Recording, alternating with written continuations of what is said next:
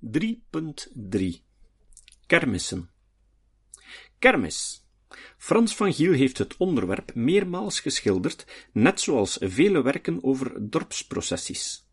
Toen hij nog op het dorpsplein in Oostmolle woonde, heeft hij de kermis telkens intens meegemaakt, gezien, gehoord, geroken, geproefd, ervan genoten met al zijn zintuigen.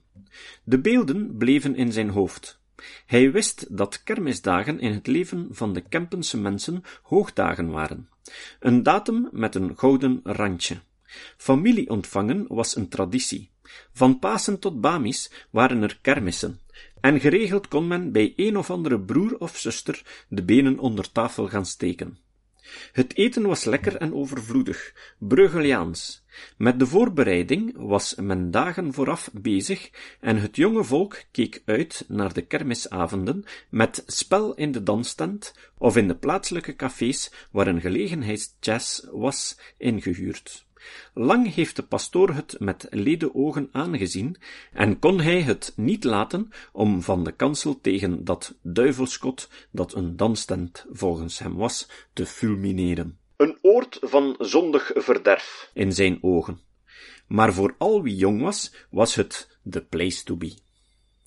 Zondag was de eerste kermisdag, die in alle devotie begon met het uitgaan van de processie, gevolgd door de kermismaaltijd, kermissoep met vlees en frikadelletjes, geen spek op tafel, maar echt vlees, zoals gebraad of rosbief, gevolgd door grote schotels rijstpap. In de loop van de namiddag werd er naar de voor gegaan, althans de vrouwen en de kleinmannen. Het mansvolk trok meestal de velden in en inspecteerde hoe het gewas erbij stond. Te deze gelegenheid waren ook de heggen in de voorbije dagen geschoren en de tuinpaden geharkt, het boerenerf gekeerd in het vertrouwde visgraatmotief. Men was tevreden, zelfs gelukkig op die momenten.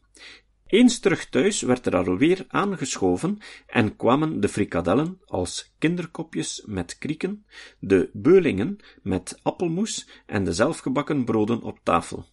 Er waren kramieken gebakken, met of zonder krenten, met of zonder eieren. Het meel werd uitzonderlijk beslagen met melk en niet met water. Als afsluiter kwamen de vlaaien op tafel, met vullingen van rijst, pruimen, krieken, abrikozen, rabarber of de carré confituur. Daarna was het jonge volk niet meer te houden en trok het met grote verwachtingen naar de kermis.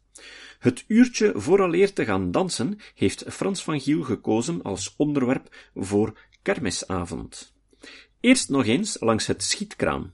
De kunstjes etaleren, met indruk maken op de meisjes, die nog wat karamellen kochten, vooral benieuwd naar de rijmpjes, die mee in de papiertjes zaten. Meestal stond er ook wel een attractie waarop de mannen hun krachten konden tonen, tegen een paal omhoog klimmen, een boksbal te lijf gaan of de stier bij de hoorns vatten. Het gegichel en gekier van de meisjes werkten stimulerend. Een van de schilderijen toont Wechel Kermis. Alhoewel het geen getrouwe weergave van de locatie is, herkennen we er toch zonder moeite den hert, de statige kerktoren rechts. En is het Hoge Huis niet de keizer? Jarenlang was dit de locatie voor de kermis. De paardenmolen Feerik verlicht centraal, daarachter de schipkens, met de hand aangeduwd door Mieke en Fons uit Vorselare, die zomers de kermissen aandeden en in de winter met bakharing leurden. Speel- en snoepkraam van Bien, schietkraam of viskraam maakten er al een grote kermis van. Toch heeft Van Giel hier niet de triomfantelijke kermis, maar een uitgeregende kermis getoond. Het volk komt opnieuw tevoorschijn, met of zonder paraplu. De avond is gevallen, de lampions en de kraamverlichting doen hun best om wat vrolijkheid te creëren. Stilaan gaat het richting danstent of café, waar het orgel lustige deuntjes ten beste geeft. Zo'n dansorgel was een niet te missen evenement en Frans van Giel vond het de moeite om de sfeer vast te leggen. De tent is feestelijk versierd met lampions en slingers en felle lichtbundels verlichten de dansvloer, die groot is en propvol staat. Het orgel is gigantisch groot afgebeeld, buiten proportie, teken van hoe belangrijk het orgel was in dit etablissement. Het is een impressie uit de jaren 40-50. Vrouwen met gekrulde haren, korte en kleurrijke rokken op hoge hakken en mannen in donker hemd en licht hemd blootshoofd. Het is een vrolijke eigentijdse dans die gedanst wordt, de jive of een wals, maar geen quadrille, meer zoals vroeger. De snelste dansen zetten de zaal aan het tollen, kringen in kringen, de walsen met hun diepe draaien, rechtsom, linksom. Dansen tot in de vroege uurtjes, men kent uur nog tijd, en als in een roes blijft men in de ban van de wervelende dans. Dit soort dans bracht ook een andere sfeer in het uitgaansleven.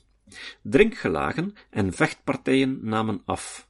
De tijd dat men iemand met de kruiwagen naar huis voerde, omdat zijn benen hem niet meer konden dragen, of dat moeders tegen middernacht de messen naar het café brachten, zoals toch gebruikelijk was in bepaalde streken van de Kempen, zoals Moleneind in Vorselaar en de Grompendonkse Heide, nu definitief voorbij. Wat bleef? Even uit de bol gaan, de batterijen opgeladen.